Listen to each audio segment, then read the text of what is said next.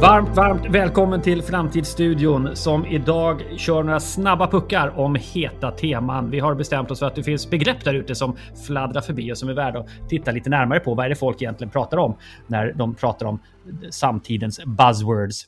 Och eh, för att göra detta eh, har vi förstärkt studion med Olivier Rostang och eh, Axel Ruveus. Välkomna till detta samtal. Tack, kul att vara här. Ja, tack så mycket. Det är ju liksom eh, vi tre som eh, kan man säga är redaktionen för Framtidsstudion och Olivier har ni hört flera gånger, Axel också. Eh, Olivier inte minst i Almedalen. Men nu tänkte vi att nu, nu får vi eh, vara lite snabbfotade och ta oss an de här begreppen som, som fladdrar upp och ner. Och dagens begrepp. Quiet quitting. Quiet quitting. Olivier, ska du börja? Var kommer det här begreppet ifrån? Vad, vad, vad handlar det här om? Eh, men det här begreppet kommer ifrån en, eh, en TikTok som blev viral eh, under 2022. Och, och, och quiet quitting handlar ju då alltså inte om att man slutar jobba, men att man gör det absolut eh, minsta möjligt för att möta jobbets ehm, eh, ja, men krav helt enkelt. Ingen extra entusiasm, inget extra arbete. Eh, man stänger av datorn efter klockan fem och man öppnar datorn klockan nio Eh, så är det. Man gör the strict minimum som det sägs. Ja, inte ens 8 till 5 utan 9 till 5 dessutom. Och man ser alltså inte skymten av några framfötter för att spela en på det gamla uttrycket. Nej, precis. Okej, det var en TikTok från början. Och var, varifrån härstammar den? Är det, ett, eh, det låter som, det är engelska uppenbarligen. Är det ett amerikanskt eh, fenomen från början? Eller ja, nordamerikanskt, precis. och, det, och, det, och det är kanske inte så konstigt. För att nordamerikaner har ju, eh, framförallt i USA, en, en helt annan attityd och eh, kultur kring arbetet.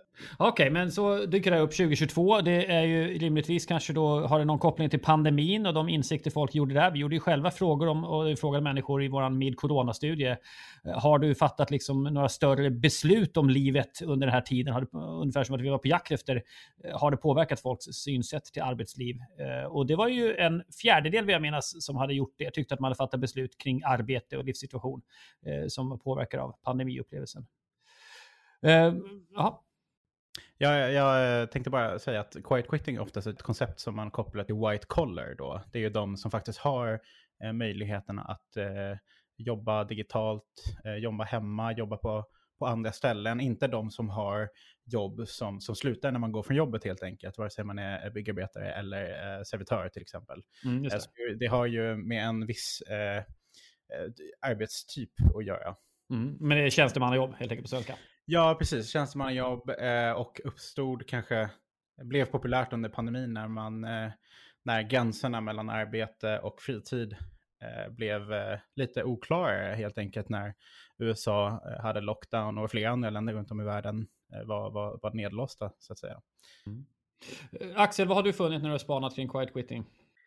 Ja men det är väl dels alltså, det, det spreds eh, här om eh, året då, då började bli viralt på framförallt TikTok och som, som Olivier säger i Nordamerika men även i Kina vart det ju här en grej fast då kallas det liksom lying flat eller ligga still fast på eh, kinesiska då, då som jag inte riktigt behärskar. Så jag ger mig inte på ett, ett, ett uttal. Men, men det är ju samma sak där, där har man ju en väldigt sån här vad ska man säga, hasselkultur. Alltså du ska jobba, det är liksom eh, 9, tim 9 till 9, eh, 6 timmar i veckan. 996 är ett sånt här ja, uttryck så, som har varit där.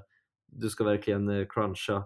Mm. Eh, men sen så en, en lite intressant grej, för det har ju blivit en väldigt stor snackis och inte minst i eh, så här, chefskretsar och diskuteras i eh, alla sådana här eh, livsstilsmagasin för ledare och, eh, och chefer som jaha, är det lathet och ungdomar eller hur, hur är det? Men jag gjorde två så intressanta observationer. Dels att det finns ett så här ganska mycket likheter med den här slackerkulturen som var stor på 90-talet.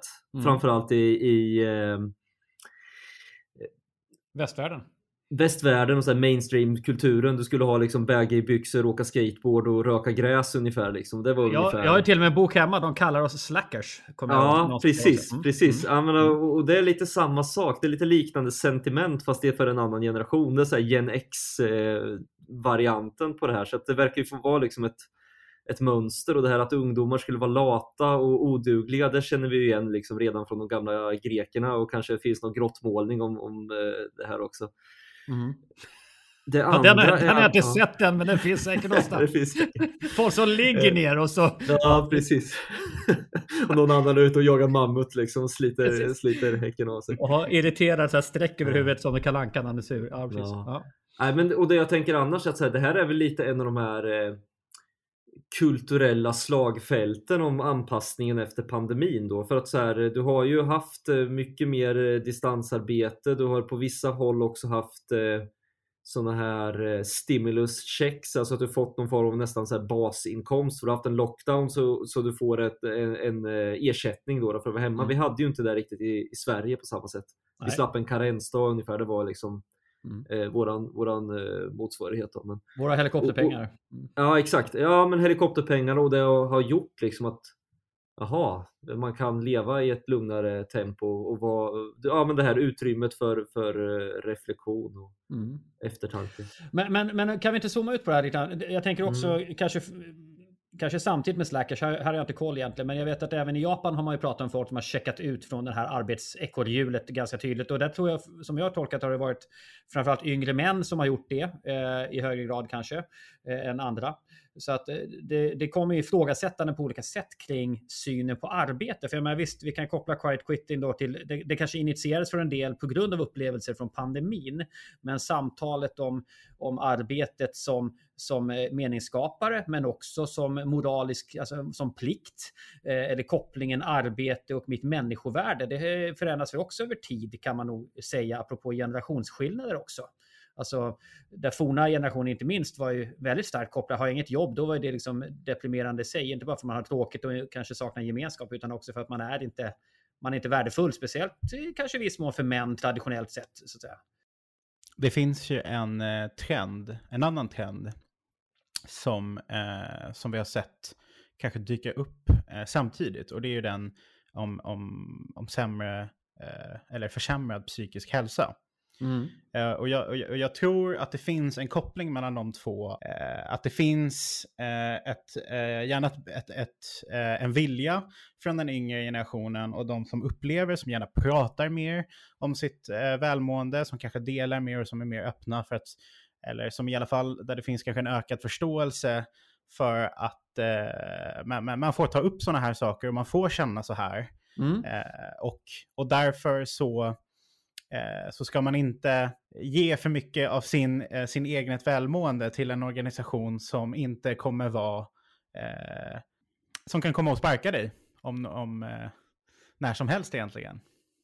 Jaha, men menar att det finns en koppling då mellan att, att folk blev av med jobben i samband med pandemin i vissa sektorer? Att det, att det är någon slags osäkerhet som gör att lojaliteten också minskar? Eller vad, vad menar du?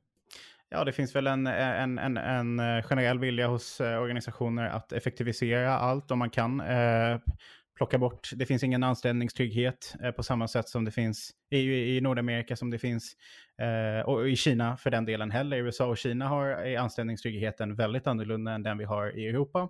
Mm. Vilket gör att man kanske inte upplever att arbetsgivaren har samma lojalitet mot en själv. Mm, eh, och därför så, varför ska man själv ge Eh, en så stor del av sitt liv, sin tid, sitt välmående för en organisation som kan komma att eh, dumpa dig imorgon. Mm. Och då har man ju, vissa har ju kallat eh, det här, eller vissa påstår ju att quiet quitting är kanske fel eh, ord. Eh, vissa kallar det för DYJ, doing your job. Or working to rule, working to thrive. Reverse Act your wage. Acting your wage, exakt. Mm. Ehm, så där, där, finns ju en eh, generell um, oenighet om quiet quitting faktiskt är någonting bra eller någonting dåligt. Eller egentligen bara någonting som vissa människor upplever. Kairos Future Club är nätverket för dig som vill lägga steget före och ha koll på de viktigaste omvärldstrenderna och framtidsfrågorna. Som medlem får du bred kunskapsarena för omvärld och framtid genom trendrapporter och seminarier där du kan delta på plats eller online. Varje år publicerar vi 7-10 rapporter om spännande teman. I år kommer vi bland annat skriva om framtidens monster, AI-artisten och en värld utan tillväxt. Du kan bli personlig medlem för 14 900 kronor per år eller som organisation för 49 000 kronor. I priset ingår också vår årliga trendföreläsning What's On. Gå till www.kairosfuture.com academy och bli medlem idag. Då får du även tillgång till hela rapportarkivet.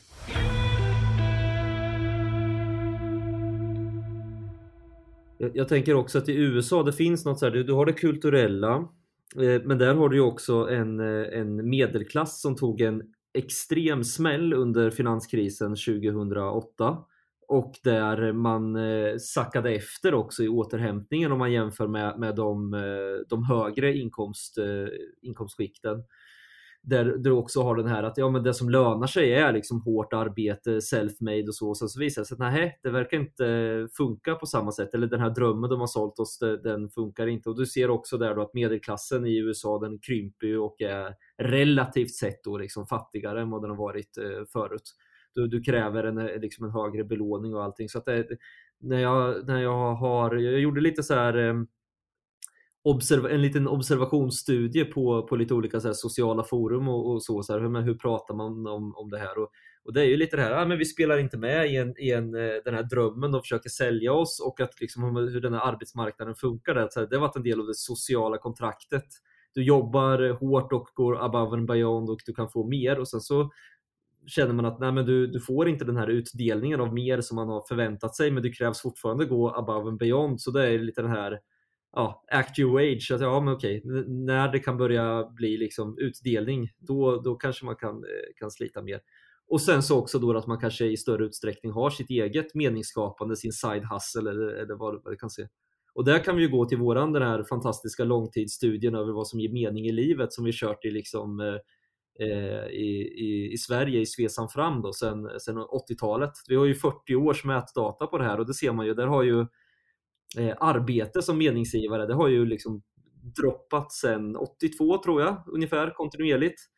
Eh, så här, familj, vänner, det ligger ungefär på, på samma, eh, samma nivå. Då. Så att i Sverige så har ju arbetet varit tämligen meningslöst för de flesta som är i arbetslivet idag då, på, på marginalen. Eh, och då kanske jag är så här, ja men eh, har, har det, är, det, är det resten av världen som, som kommer ikapp eh, Sverige med den här inställningen nu eller hur man, hur man ska tänka på det?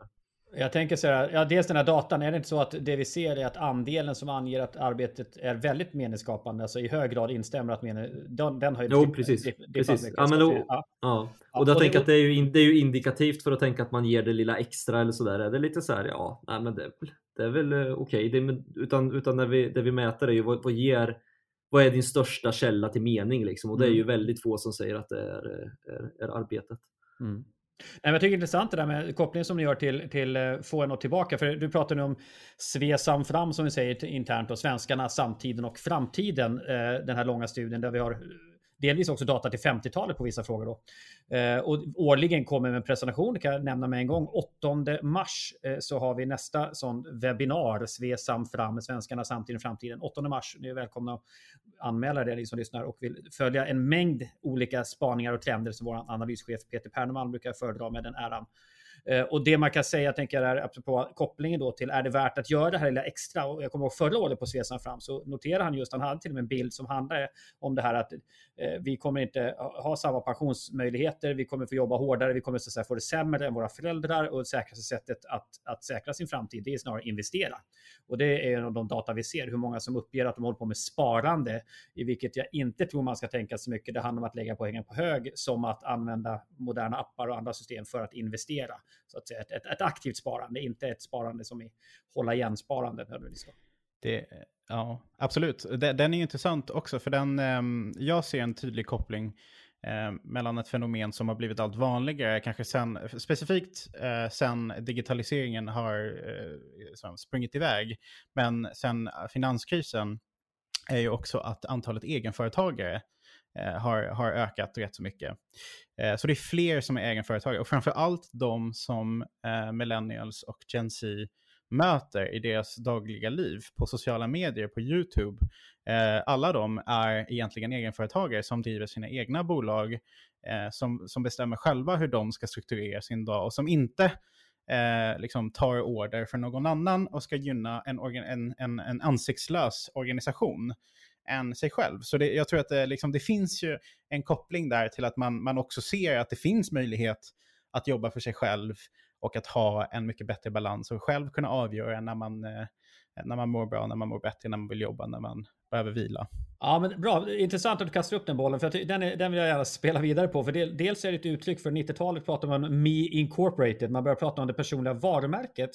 Eh, och det fanns en slags eh, marknadslogik som hela 90-talet genomsyrades av ett marknadstänk och man, man adopterade så att säga, synsätt från vad som gjorde företagsvarumärken framgångsrika och tänkte på just att bygga den här starka individen som ska kunna hävda sig på en arbetsmarknad i konkurrens med alla andra kunskapsarbetare. Och, så. och, och det finns, fanns en rationalitet att göra det, men jag tycker också det är intressant, du tog upp den psykiska ohälsan förut. Vad gör det med en människa att betrakta sig själv på det sättet och som sedan har förstärkts av sociala medier. Det här att skapa en image, en, en, ett uttryck, en fasad, en story och så vidare. Det har man gjort i alla tider, men man kan verkligen drunkna i det idag och framförallt har ju kulturen runt att göra det, att bygga sitt varumärke. Eh, den är ju förändrad. Om vi brukar säga att svenskarna och Skandinavien har präglats av en jantelag, det vill säga du ska inte tro att du är någonting och du ska inte tro att du är bättre än oss andra, så är det här ju en, en vändning 180 grader i det, där du verkligen ska försöka framstå som någonting bättre. Och jag tycker det är intressant att fundera på vad, har det, vad gör det med eh, det, måendet eftersom att vi vet att vara självmedveten, det vill säga fundera på hur, hur ser jag ut nu när jag gör det här, hur ser jag ut när jag möter de här människorna. Att den, den iakttagelsen, det eh, korrelerar inte jättebra med lycka och välbefinnande utan snarare stress och liksom, eh, ja, en oro på ett sätt kan man säga. Så det, det, är en intressant utveckling på många plan här. Som både driver då en individens frihet att driva sin egen verksamhet som du säger, vara sig, sin egen och, och driva, inte ha någon chef och så självständighet. Så och baksidan kan ju vara då också det här eh, upptagenheten av hur framstår jag, att hävda sig och att vara i en slags säljrelation till omvärlden. Ja, man kan ju fundera på det om, om en drivkraft för quiet quitting skulle vara då om vi, om vi antar det då, eh, psykisk ohälsa eller stress och så på jobbet, då är det lite ur askan i elden att ge sig in i liksom Instagram, eh, TikTok eh, branschen kan jag tänka mig, för där har du ju eh, jag tror inte du har eh, lika snäll feedbackkultur som du kanske ändå har även om du har en dålig chef då om, om man tänker ett anonymt eh, kommentarsfält och eh, vad, vad, det kan vara. Men jag, ja, nej, men jag tycker att det här är, är, är intressant och jag, jag framförallt tycker är intressant att det väcker så mycket eh, känslor. Det har väl varit en sån här sak som jag har, har slagits av hur, hur eh, ja, hur, hur, hur käns, känslomässigt eh, hett det här är liksom på alla sidor. Både de som tycker att så, jo, men det är väl klart eller, eller eh, vad det ska vara. Och det visar ju att så här, det här sociala kontraktet man kan prata om i olika sammanhang, det kan inte formas av vad du printar ner på ett papper utan det, är, det, det innehåller också så mycket som är det här eh, lite mer ogreppbara. För det är klart att det står i din på ditt anställningsbevis då så här, vad är du anställd för att göra? Och sen så något så här, vad, vad eh, innehåller den här, eh, den här uppgiften? Men, men det är ju det här vi pratar om då, att det är inte det som man vissa antar eller tycker, tycker att du, du bör göra och andra tycker att du, du ska väl knappt precis eh, gör, göra det. Då. Jag tycker det är jätte, jätte, jättespännande.